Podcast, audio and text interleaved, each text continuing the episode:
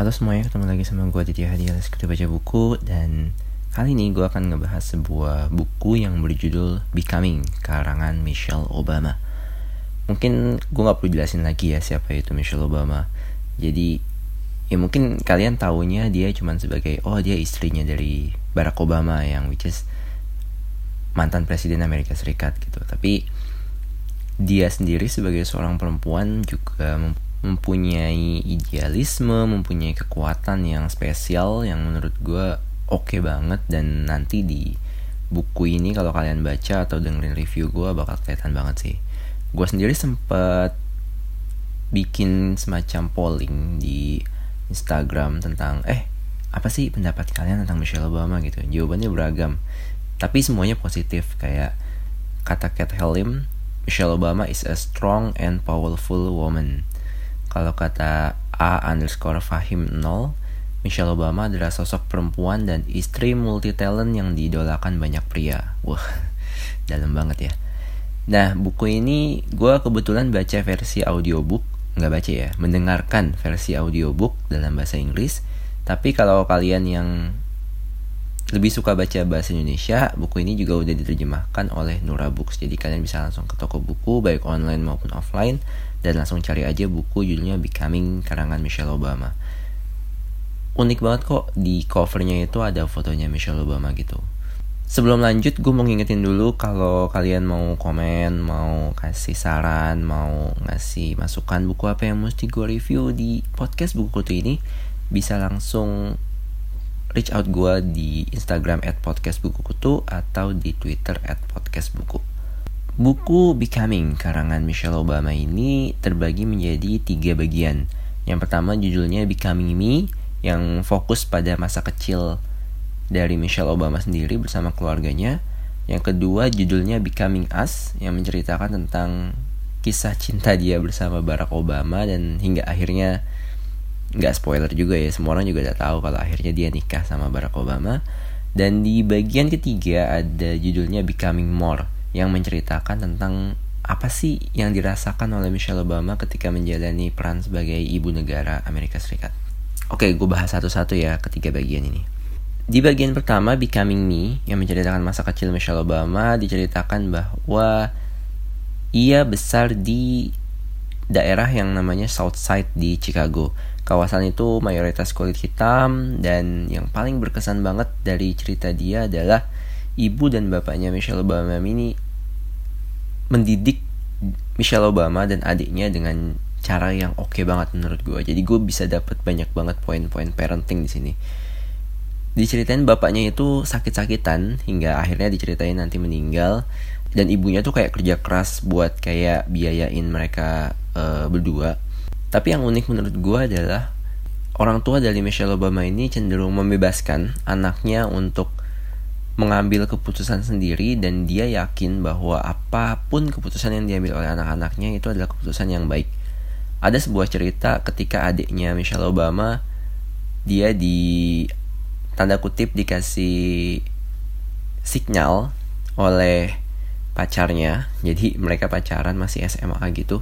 Eh, rumah gua jadi adiknya Michelle Obama ini cowok, terus dia punya pacar cewek kan.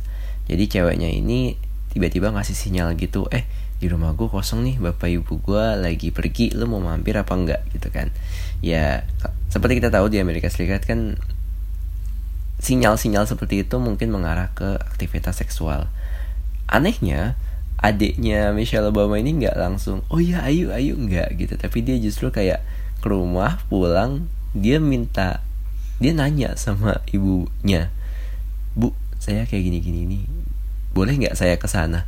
Kayak gue aneh sih gue sendiri mungkin kalau di posisi dia gue nggak akan ngelakuin hal itu gitu. Tapi ya karena sistem pendidikan yang yang diajarkan oleh orang tuanya Michelle Obama hingga adiknya Michelle Obama ini kayak merasa bahwa dia harus nanya dulu ke ibunya. Dan ibunya pun jawabannya kayak gini ibu yakin kalau kamu bisa mengambil keputusan yang baik jadi serah kamu mau ke sana silahkan mau enggak juga silahkan. Itu kayak wow banget sih menurut gue gue juga gue sendiri nggak yakin apakah gue akan bisa kayak gitu juga sama anak gue tapi kayaknya bisa juga dicoba dari kecil Michelle Obama ini emang udah punya idealisme. Dia pinter dia rajin belajar pekerja keras tapi dia sadar betul bahwa dia bukan berasal dari golongan orang yang kaya dan dia sadar bahwa kulit hitam itu sedikit di tidak mempunyai privilege lebih dibandingkan kulit putih gitu.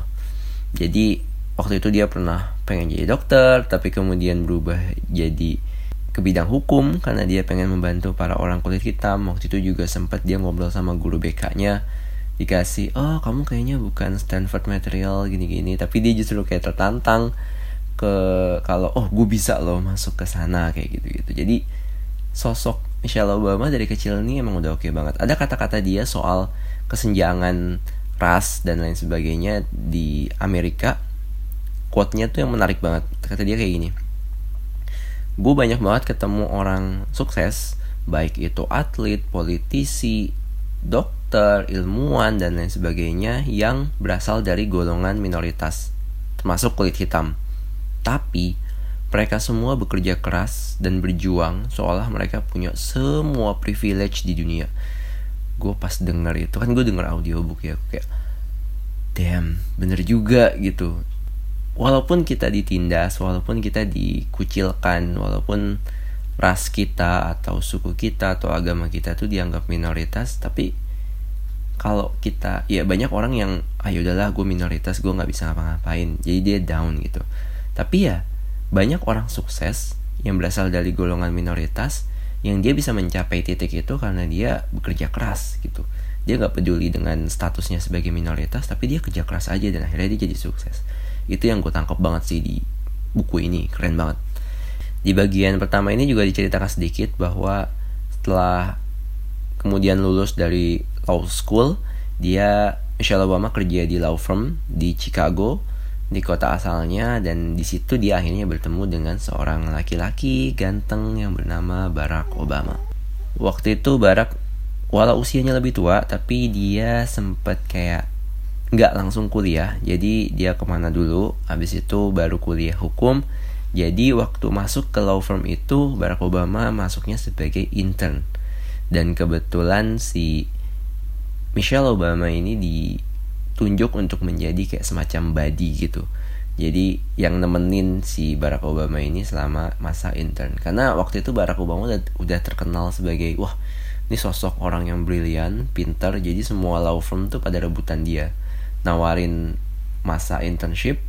Nah makanya si bosnya Michelle Obama ini eh lu jadi badinya si Barack ini ya karena dia hot banget lah. Hot dalam arti ini orang lagi pintar jadi semua law firm tuh pada pengen dia bergabung secara permanen jadi dikasih kayak temen biar dia ngerasa nyaman di law firm itu.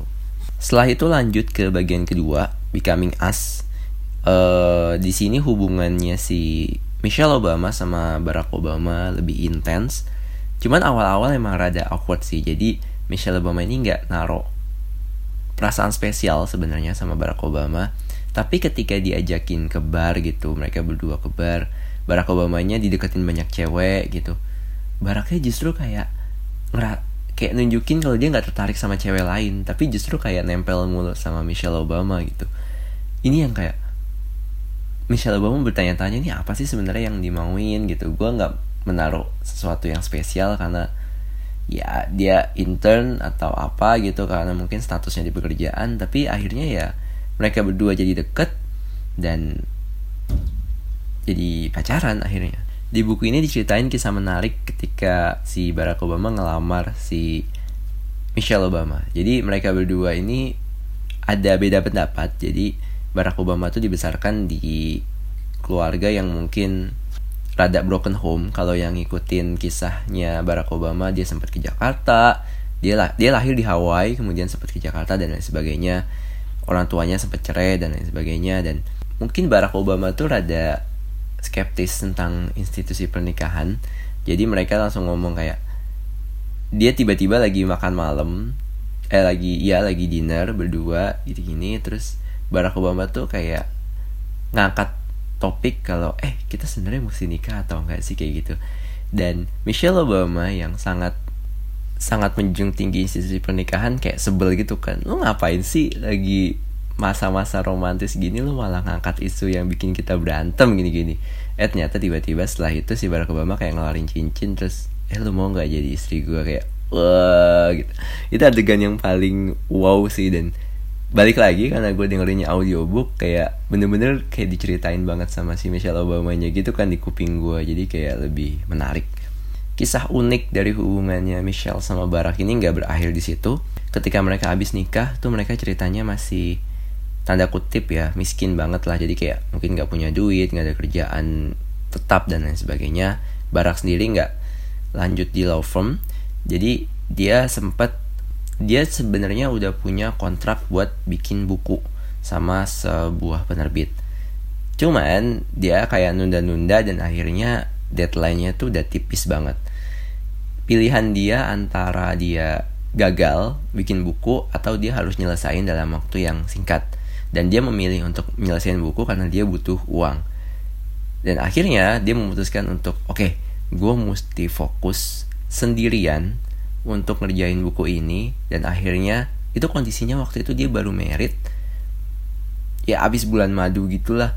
Dan dia Barack Obama langsung mutusin buat pergi ke tempat non jauh di sana yang which is adalah Pulau Bali. Jadi dia sempat mengasingkan diri ke Bali buat bikin buku selama beberapa bulan. Dan Michelle sebenarnya rada-rada apa sih nih gue baru nikah gue punya suami eh, suami gue malah pergi gitu. Tapi dia merelakan suaminya untuk menyelesaikan tugasnya. Dan akhirnya beberapa bulan berlalu selesai juga gitu. Jadi sempet sempet tuh kayak Michelle Obama ngerasa insecure kayak dia lagi ngapain ya di sana? Dia beneran nulis buku apa enggak ya? Tapi dia mengubur ketidakyakinan itu dan akhirnya bara kembali ya udah mereka hidup seperti biasa dan bukunya Barack Obama itu bisa terbitkan.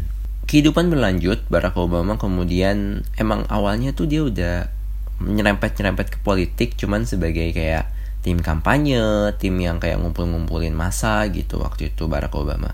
Tapi kemudian dia memberanikan diri maju sebagai politisi, sebagai senat dan kemudian mereka punya anak namanya Malia dan Shasha dan ada lagi nih kisah unik yang gue jadi kayak pembelajaran banget sih. Jadi si Michelle Obama Michelle Obama sama Barack Obama tuh kayak yakin betul bahwa kayak mereka tuh harus ketemu gitu. Walaupun mereka kayak rada-rada LDR karena kan uh, apa namanya kantor DPR di di Illinois itu kan kayak lumayan jauh lah sama rumahnya si Michelle. Jadi dia tiap hari Jumat Michelle Obama sama Barack Obama tuh kayak janjian di sebuah tempat di sebuah restoran gitu. Dan restorannya selalu sama jamnya selalu sama harinya selalu sama. Mereka kayak kencan rutin di situ. Itu kok kayak wah ini banget sih gitu. Jadi di situ Baraknya meniti karir di bidang politik. Dan Michelle sendiri waktu itu sempat kayak galau apakah gue mau tetap di law firm atau enggak dan akhirnya dia memilih untuk pindah ganti kerjaan ke balai kota. Dan waktu itu dia ngelihat kalau itu berpotensi buat membantu masyarakat sekitar dan dia rela untuk kayak gajinya jadi lebih kecil seperti itu. Itu menurut gue salah satu langkah bahwa nih dua orang ini nih emang punya kemauan punya idealisme yang kuat buat membantu sesama gitu menurut gue oke okay banget awalnya tuh gue sempet mikir gue nggak ngikutin kisahnya Barack Obama sama Michelle Obama sebelumnya. Jadi gue awalnya berpikir bahwa oh mungkin mereka emang udah terkenal sebagai politisi kemudian mereka baru mutusin buat nikah mungkin atau punya anak gitu. Karena gue tahu banget susah lah rada berat untuk orang yang udah menikah apalagi punya anak untuk meniti sebuah karir baru. Misalnya jadi maksudnya sebelumnya bukan politisi kemudian dia punya keluarga punya anak baru dia masuk politik. Nah itu kayak berat banget menurut gue gue sendiri nggak ngalamin sekarang kalau misalnya gue berganti karir atau apa itu pemikirannya bakal rumit banget. Tapi ternyata Barack Obama dan Michelle Obama menjalani itu gitu.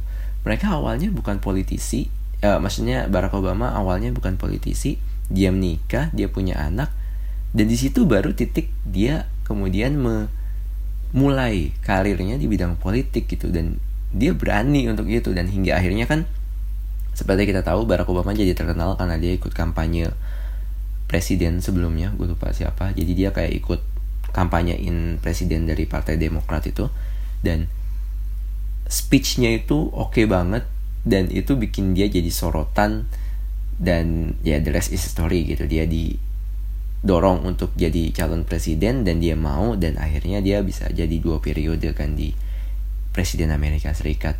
Dan itu dia jalani ketika dia udah menikah dan ketika dia udah punya anak juga. Jadi menurut gue Barack Obama ini bukan cuma pinter sih tapi dia berani dan apa ya dia punya idealisme tadi gitu. Setelah bagian pertama yang membahas tentang masa kecil dari Michelle Obama kemudian masa bagian kedua yang membahas tentang hubungan asmara Michelle Obama dengan Barack Obama di bagian ketiga yang berjudul Becoming More Michelle menceritakan kesan yang dia alami selama dia menjadi ibu negara di Amerika Serikat. Dia cerita gimana dia bingung banget masuk pertama kali ke White House bahkan sebelum itu uh, jadi setahun sebelum jadi presiden waktu itu masih jadi calon itu udah banyak juga kayak Secret Service yang jagain mereka. Terus Malia sama Sasha juga kayak bingung. Mereka datang, oh kita mau datang ke satu acara. Ih, kok sepi banget ya? Kok nggak ada orang? Jangan-jangan nggak ada yang mau ngelihat bapak kita gitu. Padahal tempat itu baru di steril jadi emang gak ada orang kemudian ketika dia ke tempat acara yang sebenarnya baru wah ternyata banyak juga orang yang nungguin bapak gue gitu kayak wah banyaklah hal-hal yang menarik kayak oh bagaimana Michelle Obama harus milih baju karena dia pasti dibandingkan dengan ibu-ibu negara yang lain gimana dia mesti milih dekorasi buat White House gimana oh ya kemudian dia juga ngelihat kalau ada satu problem di anak-anak Amerika. Banyak anak-anak yang mengalami obesitas makanya dia mencoba support kayak membuat gerakan untuk mempromosikan makanan sehat. Dan bahkan dia sendiri di White House itu bikin kayak kebun kecil gitu. Jadi tindakan-tindakan ini tuh benar-benar kayak menunjukkan bagaimana dia menggunakan posisinya sebagai ibu negara dengan sangat baik menurut gue dia mempromosikan hal-hal yang baik sayangnya di akhir masa jabatan kedua dari Barack Obama dia harus digantikan oleh seorang presiden baru yang di buku ini Michelle Obama menunjukkan banget kalau dia nggak suka sama Trump. Kenapa? Karena mungkin kalau dia cuman oh lawan politik biasalah, tapi yang dia tangkep Trump ini bener-bener kayak mengucapkan kata-kata yang penuh dengan kejahatan, bigotry, serangan-serangan kayak waktu itu kan dia sempat bilang, "Oh, Barack Obama tuh keturunan apa, keturunan apa." Jadi kalau nggak salah sempat dapat blackmail juga deh si Michelle Obama sama anak-anaknya itu yang bikin kayak lu boleh deh kayak mungkin yang gue tangkap tuh Michelle Obama tuh mikirnya kayak lu boleh deh nyerang gue dengan apa pun tapi jangan sampai membahayakan keselamatan keluarga gue sama anak-anak gue gitu karena apa yang lo lakuin sekarang di depan pendukung lo itu udah kayak bikin keselamatan kita tuh jadi terancam kayak gitu. Itu tadi sinopsis dari gak sinopsis ya cukup panjang juga ya. Ya isi dari buku Becoming yang dikarang oleh Michelle Obama di segmen selanjutnya gue akan cerita tentang review gue terhadap buku Becoming ini.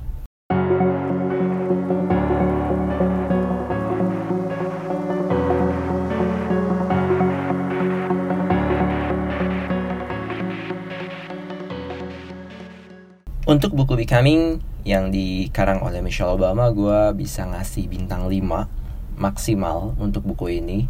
Apalagi gue dengerin versi audio audiobooknya dan itu bagus banget, suaranya tuh jernih banget. Gue gak ngerti gimana caranya soal Michelle Obama yang pasti sibuk, dia bisa ngeluangin waktu 9 jam lebih kayaknya untuk kayak ngomong bacain buku ini buat kita tuh kayak wow banget sih menurut gue jadi khusus buat audiobooknya gue nggak ngalamin baca bukunya jadi gue nggak terlalu dapat feelnya. Tapi di audiobooknya gue feelnya kayak dapat banget sih. Uh, apalagi ketika ada satu part yang di mana dia nyanyi gitu. Jadi gue kayak wow gue dengerin Michelle Obama nyanyi di telinga gue itu kayak pengalaman yang sangat menakjubkan sih buat gue dan kedua kenapa gue suka buku ini adalah karena Michelle Obama nih entah gimana dia bisa ingat banget semua detail. Jadi dia cerita tentang ayahnya meninggal, dia cerita tentang kejadian-kejadian di masa kecil, dia cerita tentang kejadian dia bersama Barack Obama itu bener-bener detail banget. Gue feeling gue dia punya kayak diary sih. Di buku ini dia juga bilang kalau dia kayak bikin kayak semacam buku catatan yang dia nyeritain hidupnya dia, nyatat hidupnya dia. Mungkin buku-buku itu yang kayak dia jadiin panduan untuk akhirnya nulis buku ini juga itu yang kedua. Yang ketiga gue suka banget sama buku ini karena penuh dengan apa ya inspirasi-inspirasi yang menarik khususnya dalam soal parenting. Ini terasa banget bagaimana Michelle Obama bisa menjadi Michelle Obama saat ini adalah berkat dari bapak dan ibunya yang memberikan pengajaran di waktu kecil tuh yang benar-benar wah sedikit beda sama orang tua lain kayaknya. Jadi mereka lebih ngebebasin tapi lebih mengangkat oh lu harus tanggung jawab ya. Mereka lebih mereka sadar mereka minoritas tapi mereka nggak oh lu mesti rendah diri. Enggak tapi mereka justru memotivasi anak-anaknya untuk jadi lebih baik dan lebih baik.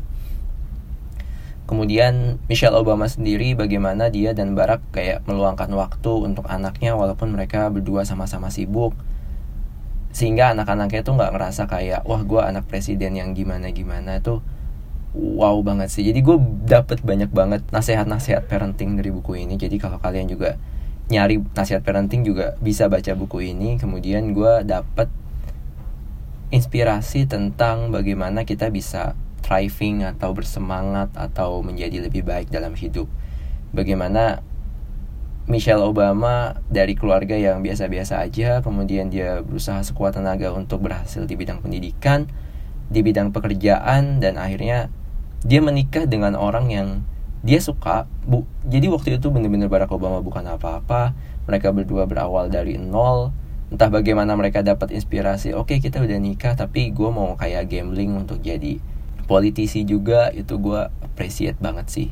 Jujur, gue setelah baca buku ini gue pengen banget dengan sisi cerita dari Barack Obama itu sendiri. Karena khususnya kayak soal-soal asmara si Michelle sama Barack. Si Michelle kan ya ceritanya dia dari sisi dia doang gitu. Bagaimana ih gue ketemu anak intern ini kok anak intern ini tiba-tiba kayak deketin gue nah justru gue jadi pengen tahu sebenarnya Barack Obama waktu itu kepikirannya kayak gimana sih sampai dia rela deketin Michelle. Waktu itu mereka sempat LDR tapi tetap akhirnya balik lagi dan mereka menikah. Itu gue pengen banget sih tahu ceritanya mungkin mudah-mudahan nanti ada kayak bukunya ya. Indian yang gue tangkap dari buku ini adalah dibalik semua orang terutama politisi mungkin kita ngelihat wah wah wahnya doang gitu. Gimana mereka aneh-anehnya di muka publik. Tapi Indian dari buku ini gue mengambil kesimpulan bahwa di balik semua politisi, selebriti, balik lagi mereka semua hanya manusia. Mereka bisa kesel, mereka bisa lelah, mereka punya insecurities tersendiri. Tapi gue yakin kalau semua orang selama mereka punya prinsip yang baik dan mengejar mimpi mereka dengan kerja keras, mereka pasti akan sukses gitu. Itu yang gue tangkap dari buku ini.